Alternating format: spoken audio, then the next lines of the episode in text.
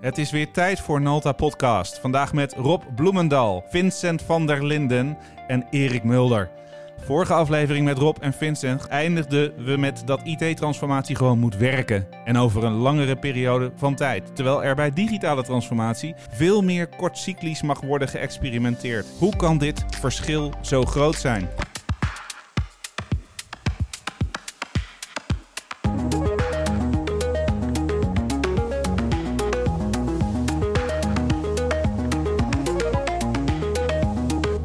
Dit is Nalta Podcast aflevering 14, opgenomen op vrijdag 12 juli 2019, de Nalta Afterglow.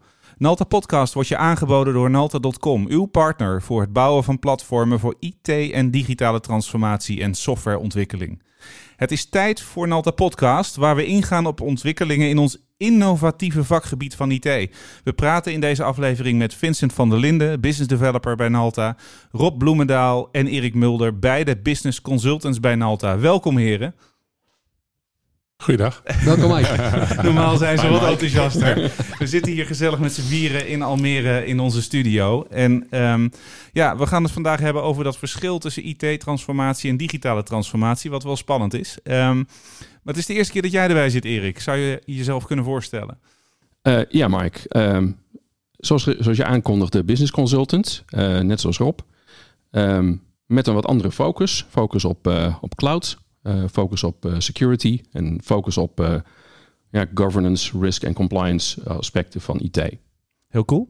En je werkt al een tijdje bij ons. We hebben jou wel al een keer in een Nalta Explorers gehad, toch? Klopt, op het, plat, ja, het platte dak bij B. Onze B-vestiging. ja, Nalta Explorers die doen we nu al best wel heel lang. Daar hebben we al 39 van gedaan. En nu alweer nummer 14 van de podcastserie erg leuk om mee bezig te zijn. Ook ongelooflijk leuk om dit nu te doen met de drie collega's. We, twee afleveringen geleden zaten we met, met jullie, Rob, Vincent. En ja. uh, daar hebben we het gehad over Platform Perfection. Ja. En we eindigden daar eigenlijk in het verschil zeg maar, van perspectief tussen waar jij mee bezig bent, Rob, meer die digitale transformatie en softwareontwikkelkant. En mm -hmm. voor jou, Vincent, de IT-transformatiekant. En om dat nog even te duiden. Um, wil ik even terug naar de definities van IT-transformatie en digitale transformatie. Want daar hoor je ja, de markt over praten, maar wat houdt het nou precies in? Uh, Vincent, wat is voor jou IT-transformatie? Nou, IT-transformatie is uh, uh, zorgen dat je platform wat meer vernieuwd wordt. Dus de nieuwste technologieën gebruikt, waardoor je veel meer taken kan automatiseren die terugkomen. Zodat IT'ers bezig kunnen zijn met andere zaken dan het beheren van IT. Uh, en dat is eigenlijk ook de essentie van transformatie. Het, uh, de technologie is wel uh, oké, okay, maar het is vooral een mensending die moet veranderen. Want een IT-beheerder die je normaal gesproken aanneemt, die moet opeens met diensten en met business gaan, daarover gaan nadenken. Mm -hmm. En dat is het grote verschil. Dat is eigenlijk het grootste verschil. Met het verleden. Ja, ja. ja. En voor jou, Rob, digitale transformatie? Nou, voor mij digitale transformatie is eigenlijk applicaties en data van applicaties bij elkaar brengen. En wat je veel ziet gebeuren is uh, Shadow IT, het vorige keer ook eventjes over gehad, dat uh, toch bepaalde afdelingen nieuwe data gaan genereren. En op een gegeven moment, uh, je weet wel wat de data er is, maar je kunt er niet bij. Je, je tweede aspect daarvan is, welke data is de juiste data? En hoe breng ik dat er bij elkaar? En, en zorgen dat dat zo bij elkaar brengen dat ook je arbeidsprocessen makkelijker gaan lopen. Dat voor mij is digitale transformatie. Oké, en als jij dat zo hoort, Erik? Wat, wat vind je daarvan? Uh, ik ben het helemaal met Rob eens. Uh, het gaat om uh, ja, afstemming tussen wat de business wil en wat vaak de IT-afdeling moet gaan leveren. En die hebben daar ja, in de klassiek altijd veel problemen mee gehad om de business bij te houden. Die hadden vaak een handen vol aan de ICT-infrastructuur. op het moment dat ze daar gefaciliteerd worden, een snel agile platform, hardware platform hebben, houden ze tijd over om zich met de echt belangrijke dingen met de business uh, bezig te houden. Om... En, vind, haak even in. Ik vind hem wel, wel ja, dat is helder. Uh, mooi. Ja, dat is mooi is dat. Hè? Dat, dat, Vincent heeft het echt over het automatiseringstuk en zijn, zijn IT-vraagstukken. Uh, en Erik zegt dan heel mooi van, van waar het echt belangrijk is. Maar ze zijn allebei echt belangrijk. Mm -hmm. uh, ze kunnen niet zonder elkaar. En de, de, de crux is ook, hoe krijg je het vandaag zo, zo gebogen dat een organisatie in de gaten heeft van, hey, IT is een fundamenteel deel van mijn organisatie en niet maar een kostenplekje. Dat is een hele goede toevoeging. En, en de vraag die ik wilde stellen is aan jou, Erik. We hebben nu beide definities gehoord. Je hebt dat aangevuld. Wat is voor jou het belangrijkste verschil tussen die twee? Dus IT-transformatie en digitale transformatie? digitale transformatie gaat over de business. Uh, en IT-transformatie gaat over dat wat iedereen heeft. Diezelfde ICT-infrastructuur. Mhm. Wat ik nog ter aanvulling van net. ehm, er is een verschuiving op het moment dat jij eh, zou gaan richting een geconvergeerde infrastructuur, eh, die in hoge mate geautomatiseerd is, eh, heb je ook een, een deel van het beheer van die IT uitbesteed. Je hebt bij de fabrikant een oplossing afgenomen die je in staat stelt processen te automatiseren. Daar waar je voor, voorheen hele langdurige arbeidsintensieve processen voor nodig had. Hm. Doordat dat wegvalt, ehm, kun je meer eh, naar de business, kun je meer oriënteren op de business en daar dichter op zitten. Is dat voor jouw gevoel snel gegaan, die ontwikkeling? Nee, dat gaat nog steeds vrij langzaam. Daar zitten we nog maar, eh, nou, misschien nog niet eens halverwege. dus in welk jaar zijn we eindelijk gered? Nou, het is eh, ruimschoots naar 2030. 2030. Nou, Dan hebben we ook nog wel even business, denk ik. Ben ik ook kaal van boven. Niet op, joh. Maar, dat, dat, dat, is nou de bijzondere als je kijkt naar eh, IT-transformatie. De IT-organisatie, hoe, hoe business gedreven ze nou zijn en hoe agile ze willen werken. Die krijgen altijd van inkoop de opdracht om een oplossing te bedenken die voor vijf jaar technisch eh, haalbaar is. Meestal tegenwoordig al voor zeven jaar eh, technisch eh, het moet voldoen. En daar is ook een afschrijving op. eh, eh, Ja, dat, dat is een onderwerp wat we na de break gaan benaderen. Want dat is natuurlijk, of we gaan, gaan behandelen. Want dat is natuurlijk het vraagstuk waar we mee geëindigd zijn vorige keer. Ja. Ehm, en waar ik nu nog even naar op zoek ben, zeg maar, is waar hebben we het nu precies over? En we hebben net het verschil geraakt tussen die twee. Kunnen we ook de gemene deler tussen die twee nog op de een of andere manier beschrijven? Dus het, wat, wat maakt IT, digi- eh, IT-transformatie en digitale transformatie gelijk? Kan, kan je dat zo stellen? Nou, er is één gemene deler en dat is data. Dat is ook het enige Ja. woord wat bij mij naar binnen schiet, eh, is de data. De- Mhm. de- ze zijn allebei afhankelijk van elkaar. Kijk, de, de, de digitale transformatie, die genereert de data. Ehm, en de IT-transformatie, die moet die data ontvangen en dusdanig zo eh, eh, wegzetten, bewerken, dat je het weer terug kunt halen. Het een leidt echt tot het ander. En je mag ze ook niet los van elkaar zien. En dat vind ik al af en toe soms wel eens lastig aan, aan op het moment dat je met aan de bedrijfskant zit en je, je bent heel druk bezig met applicaties te bouwen of, of eh, maatwerk of eh, dingen heel mooi in elkaar te knopen. Daar zitten soms eens IT-kosten achter die men dan eigenlijk liever niet wil hebben of, of op een andere manier wil beschouwen. Mhm. Terwijl je, als je dat gewoon in het verlengde ziet van elkaar, vult het elkaar juist heel mooi aan. En eh, vaak zie je dan wel dat, dat er geld besteed wordt aan het nieuwe stukje, want hè, dat is ondernemersdrift. Nou, nou de pauze verder. Maar aan, aan de, aan de IT-kant, ja, dat, dat is het toch al. Maar kan je dan stellen, Erik, dat, ehm, dat is in elk geval hoe wij daarnaar willen kijken, is dat we het zien als één integraal, ehm, één integrale uitdaging, één integrale stack, één integraal onderdeel van IT? Ze hoeven niet gelijktijdig te bestaan. Je kunt één los doen van het ander. Eh, maar eh, ja, eh, digitale transformatie gaat over het gebruik van de data. Hoe je het gebruikt in relatie met, met klanten en toeleveranciers. En IT-transformatie gaat over ja, snelheid, performance, maar ook eh, nou, heel belangrijk, beschikbaarheid van de data gedurende de hele levenscyclus. Oké, nou we staan echt te trappelen voor die hamvraag. Wat maakt het ene kortcyclischer dan het andere? Waarom is bij de ene meer geld soms beschikbaar dan voor de ander? Na de break verder. Want to grow your business and take it to the next level? Well, here we all are, and we're going to show you how through hard work, perseverance, and a little help and know how you can take things to the next level and push the success of your business even further. Let's get going. Nou, wat zal zij? Let's get going. Let's get further. Eh, Rob, je zit zo te trappelen. Ja, zit ik ook. Weet je, de, de, eh, als je ziet hoe we met onze klanten omgaan of de klantvragen zijn, dan is het eh, vaak gedreven door de commercie. Eh, vaak gedreven door de klant zijn klant. En als ik voorbeelden moet noemen, dan is het vaak van wij willen jouw data ontvangen. Wij willen af van lastige arbeidsprocessen. Wij willen die data geïntegreerd Wie is hebben. wij? Wie is wij in deze? een, een, een klant eh, die dus in het verlengde van een andere klant zit. Eh, waarbij je dus moet realiseren van... hé, hey, ik, ik eh, leg een, een inkoopopdracht bij jou neer... of ik leg een bepaalde werkopdracht bij je neer. Waarom moet ik dat via de telefoon doen? Waarom kan dat niet geïntegreerd? Mhm. En dan zie je dat daar een bedrijfsprocesoptimalisatie in zit. Dan zie je ook dat daar geldstromen vrijkomen. Het verdient zichzelf dus binnen een bepaalde tijd terug. Mhm. Althans, dat is de verwachting. En op het moment dat je zo'n business case neerlegt die, die inhaakt ook op meer klanttevredenheid en eh, herhaalbaar is ook naar andere klanten toe, dan zie je dat het in een stroomversnelling komt. En dan is men heel snel bereid om te zeggen van oké, hey, laten we eens kijken hoe dat goed werkt. Laten we een proof concept bouwen. En van daaruit gaan we hem door, doorzetten. En dat stukje is natuurlijk veel lastiger bij een IT-transformatie. Ja, want- kijk, eh, misschien kan Vincent daar eens op inhaken. Ja, de- ik, op, op zich eh, eh, vind ik het dan wel een, een, lastige richting worden. Kijk, waar ik denk dat in essentie het verschilt, is dat eh, bij digitale transformatie en applicatieontwikkeling en platform eh, bouwen, dat je veel meer relaties hebt hè, met, met je eigen bedrijf, maar ook met externe bedrijven. En dat heeft een IT-organisatie van een bedrijf niet. Dat is een heel geïsoleerd eh, fenomeen in een, in een bedrijf. En die moet voor zijn eigen bedrijf eh, bezig zijn om eh, diensten te leveren waardoor de business kan werken. Maar die externe koppeling naar andere bedrijven, die hebben ze eigenlijk niet. Ja en nee. Ik denk dat, dat IT wel betrokken is, maar niet je volledige IT bij betrokken is. Dus je zal wel zien dat het IT gaat, gezien wordt ook van, van ik heb een development manager en die heeft zijn R&D afdeling, die wordt wel betrokken. Maar zeg maar het, het productie-IT-stuk, dat is dan weer zijn isolement. En daar heb je dan helemaal gelijk in.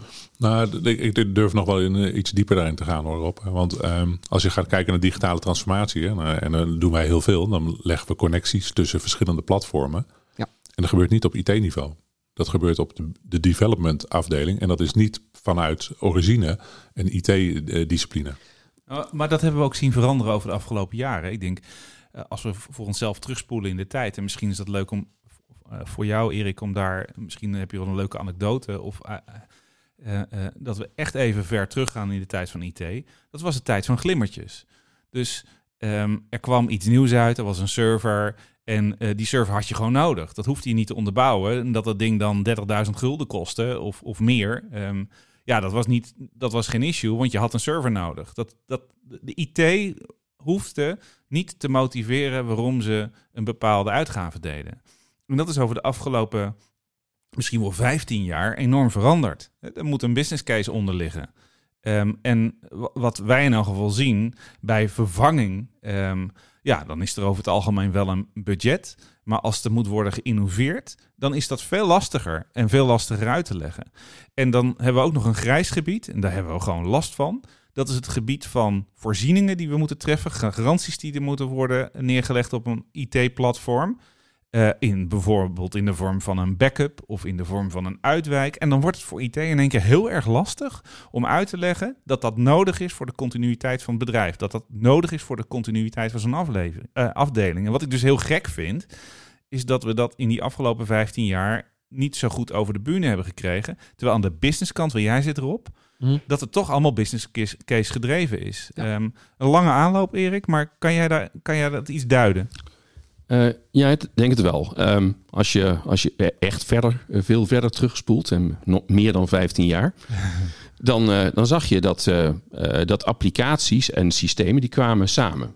Er was vaak één leverancier en die had een, applicatie en daar hoorde een, een hardwareplatform bij. En meestal was dat van een andere leverancier dan van het, de leverancier van het platform voor de andere, andere applicatie. He, dus je, nee, je zag van die organisaties en dan had je IBM uh, en DEC en, uh, en Wang en uh, nog allerlei andere computersystemen die daar rond zwierven. geleidelijk aan hebben we dat losgetrokken. Geleidelijk aan is de infrastructuur, het platform waarop het draaide, zijn eigen leven gaan leiden. He, dat werd gestandaardiseerd. Daar moesten alle applicaties op draaien. En standaardiseren is Windows en VMware en ja. storage. En... Ja, precies. Dus gemeenschappelijke storage, gemeenschappelijke netwerken, gemeenschappelijk uh, uh, ja, computing platform. Um, en we zien nu met, uh, met cloud, zien we bij, met name bij het SaaS-model natuurlijk, dat dat gewoon weer terugkomt. We, hebben, we zijn op zoek naar een hartstikke goede CRM-applicatie. We komen bij Salesforce uit hm. en je krijgt het platform erbij. Het is weer geïntegreerd en niet los te koppelen van elkaar. Ja, oké, okay, maar de, de, we waren aan terugspoelen in de tijd. En ik ja. denk, wat je schetst... Um, dat in het verleden de hardware en, en het OS gekoppeld was aan de applicatie, dat het langzaam uit elkaar is getrokken. Um, maar we hadden net ook de stelling dat um, um, het voor een IT-afdeling heel lastig is om die business case te vinden. En zeker in de periferie als het gaat om garanties en voorzieningen. Is dat ook iets wat jij ziet, Vincent? Jazeker. Eh, Kijk, een, eh, bij IT-transformatie is een business case meestal een onderbouwing waarom je een investering moet doen Mhm. eh, om, om business te laten runnen. En in het moment van een digitale transformatie denk ik dat de business case eh, gaat eh, aantonen waar je geld kan verdienen. Mhm. En omdat IT Ja, een dat is heel kosten, krachtig. ja, Ja. en omdat een IT een kostenpost is, eh, en dat is een ondernemer, hè, die wil eigenlijk maar twee dingen. Die wil aan de ene kant heel veel geld verdienen en aan de andere kant de kosten zo laag mogelijk houden. Dus IT is dan wel het aangewezen platform om daar zo min mogelijk in te investeren. Kunnen we daar een beetje contrast aan brengen, Erik? Voor jou de allereerste server die je moest aanschaffen of die je zag binnengescheept worden in een bedrijf. Wat kostte dat? Dat is niet wezenlijk anders dan het op dit moment is. Die zijn eigenlijk altijd even duur geweest. Nou, wat kostte zo'n ding? Ik heb verhalen gehoord van een werkstation wat naar binnen werd geloodst, wat gewoon 50.000 gulden kostte. In, mijn tijd eh, had je een FRX Cube en die was eh 15.000 gulden. Eh, en dat was echt een 286 platform, super traag met een turboknop. En eh, daar krijg je tegenwoordig eh, echt wel eh, veel meer voor. Ik heb dus echt het idee dat daar een enorme, is dat inflatie of deflatie? Help me even. Deflatie. Een Deflatie. deflatie is van, van wat het mag kosten. Ehm, dus we, we zijn enorm bezig met IT en investeringen. Ik denk een gemiddeld eh, eh, datacenter voor een, een gemiddelde klant. eh, eh, een, een gemiddelde, dat is heel lastig, gemiddelde klant. Maar zeg voor 250 eh, eh, eh, eh, eh, seats in een bedrijf ben je een ton kwijt. Mag je, mag je dat zo zeggen? Ja, zeker. Voor eh, storage en eh, networking en, eh, Ja. en virtualisatie met wat servers. Dat, dat, dat zijn twee van die, van die werkstations. Dat zijn vier van die apparaten van jou. Dat, dat is helemaal veranderd. Absoluut. Dus eigenlijk kan je stellen dat het probleem alleen maar groter is geworden. Dus de, de budgetten zijn eigenlijk zijn, zijn minder, minder hoog. Er is minder investering nodig. En we krijgen het niet los. En we moeten meer flexibiliteit en beschikbaarheid leveren. En we moeten het sneller op de business mee kunnen eh, veranderen. Dus daarom klopte dat niet. Ik denk ook dat het, dat het probleem is dat het niet altijd begrijpelijk is voor de business owners van wat, wat draagt IT nou bij? Wat, wat maakt het verschil? Ehm, ik heb toch een, eh, eh, als je een voorbeeld van Salesforce neemt ehm, en dat inhaakt op IT-transformatie is van, is mijn backup geregeld met Salesforce? Nee, mijn beschikbaarheid is er wel, maar mijn backup van mijn data is er niet. Daar moet je dus apart voor betalen. Dan moet je dus eigenlijk je data uit Salesforce trekken om hem gewoon ergens anders te laten landen. Mhm. Ehm, ga dat maar eens verdedigen. Ga maar verdedigen dat je, dat je per gebruiker zoveel moet gaan betalen om je Salesforce data veilig te stellen. Want het is toch veilig? Nee, het is beschikbaar. Is het anders dan veilig? En dat is soms een hele lastige om uit te leggen aan klanten. Zo van, ehm, ja, je hebt een, een, een SaaS-applicatie. Ja, het draait allemaal in de cloud. Maar daarmee wil niet zeggen dat je van al de verantwoordelijkheid af bent om je eigen data veilig te stellen. Dus eh, waar we net zaten in de vraagstelling, waarom is het toch dat IT-transformatie het veel lastiger is om daar budgetten rond te krijgen, ehm, om te investeren en bij digitale transformatie gaat het makkelijker. Dat is het perspectief van IT en het perspectief van de business. Ja, nou, ja kijk, als we praten over... over Maar eigenlijk, eigenlijk kan ik hem nog verder plat slaan. Op het moment dat we het gaan hebben over kosten, dan hebben we een probleem. Ja. Want daar willen, willen we het met z'n allen niet over hebben. Mhm. Op het moment dat we het gaan hebben over opbrengsten, dan valt er wat te vieren.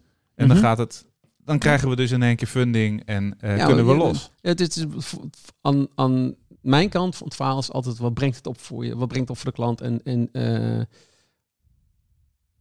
verrijk je je verdienmodel. Dat is een van de vragen die ik stel bij klanten. Verrijkt het je verdienmodel? En want dan, dan, dan gaan mensen op een andere stoel zitten, gaan mensen anders nadenken. Ehm, als ik dezelfde klant, eh, vragen stel mijn klant over, over uitwijken of dergelijke, en je gaat praten over SLA's en eh, recovery time objectives en recovery point objectives, en dan zegt de klant, ja, ik wil eh, 24 bij 7, eh, prima, dan kost je X. Oh, oh, eh, mag het dan ook 8 bij 5? Ja, dan kost je Y. Nou, doe dan maar Y. Eh, en vaak beseft men dan aan de businesskant niet, op het moment dat het fout gaat, dat je inderdaad die Y krijgt.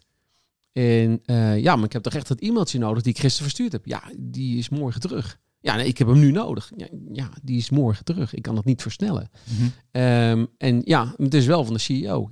Ja, jammer, maar hij is echt pas morgen terug.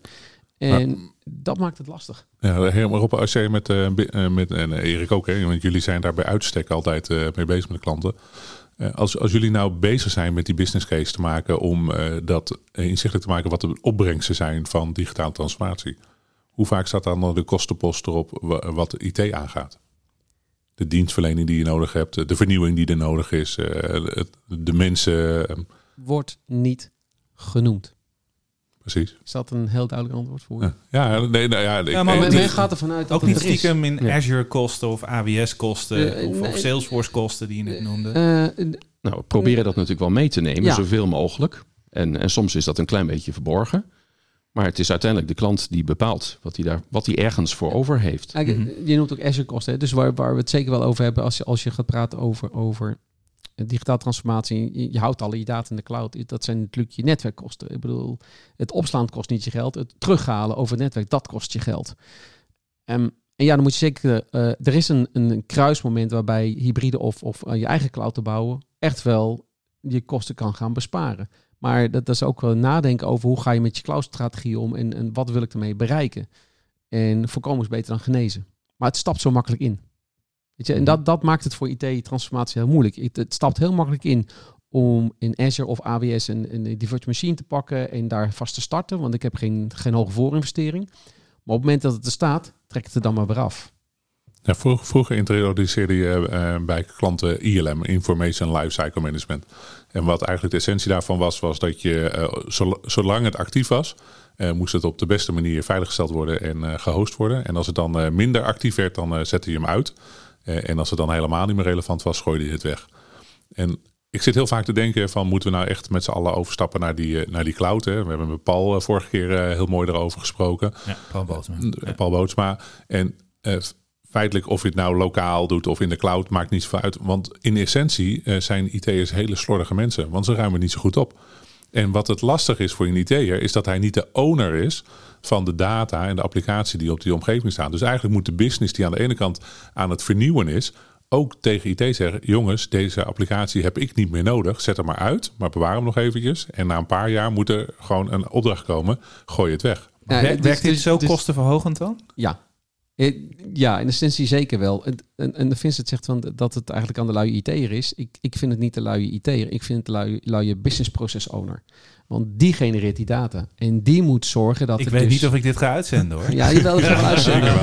Of er nou nog klanten over, weet ik niet. Maar, maar daar gaat het in essentie wel om. Zo van, op het moment dat je data genereert, zou je eigenlijk je data moeten taggen. Is het een legal iets, ja of nee? Hoe lang moet ik het bewaren? En, en daar, moet, daar zouden organisaties veel zorgvuldig mee om moeten gaan. Zodat juist voor de IT, IT aan de achterkant heel makkelijk te klassificeren is. En juist op de juiste manier ILM in te zetten is. Wat dus echt in de lange termijn je kosten absoluut gaat verminderen. Dus eigenlijk komen we nu langzaam in een U-bocht. Dus dat we kunnen constateren dat in het maken van de business case op digitale transformatie niet alles aan kosten wordt meegenomen. Ja.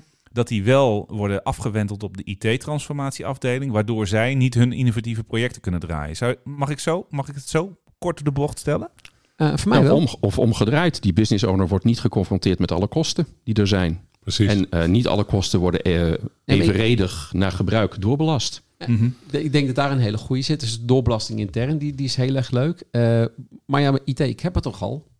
Ja, het platform is er al en eh, de IT-afdeling die houdt het wel draaiende. En eh, als er een storage, eh, ja, storage overschrijding is, dan is het niet mijn probleem als business owner. Ja, want ik neem een applicatie af. En ja, Ja. En dat is diezelfde ontkoppeling van de applicatie van het platform waar we mee begonnen. Ehm, ja, toen was het integraal. De applicatie draaide maar op één server. Als die server niet, niet, eh, niet snel genoeg of niet groot genoeg was, dan, eh, ja, dan kwam er heel snel geld bij. Dus we hebben een, een kluwe gemaakt van IT, Ja. waar we als IT'er last van hebben. Daar hebben, daar hebben IT-afdelingen vooral last van. Nee, ik denk dat we vanuit de bedrijfsorganisatorische nog steeds dezelfde traditionele denkfout maken dat IT een ondergeschikt kindje is en niet een fundamenteel eh, onderdeel is voor je organisatie die zorgt dat je organisatie blijft draaien. Mhm. En we zitten nog steeds gekoppeld, of heel vaak gekoppeld, onder de financieel directeur, onder financiële aus- auspiciën, in plaats van dat het echt toegevoegde waarde is voor de organisatie. Als we die nou eens echt gaan pakken, dan krijgen we een ander gespreksonderwerp. Ik voel, ik voel echt de noodzaak om in de volgende podcast eens een klant uit te nodigen. En, en, en dit is door te spreken, van hoe zij dat nou zien. En eh, de vraag is of we misschien wel twee van eh, een klant erbij kunnen halen. Een IT'er en eh, iemand die meer aan de businesskant zit. Hoe zij dat ervaren.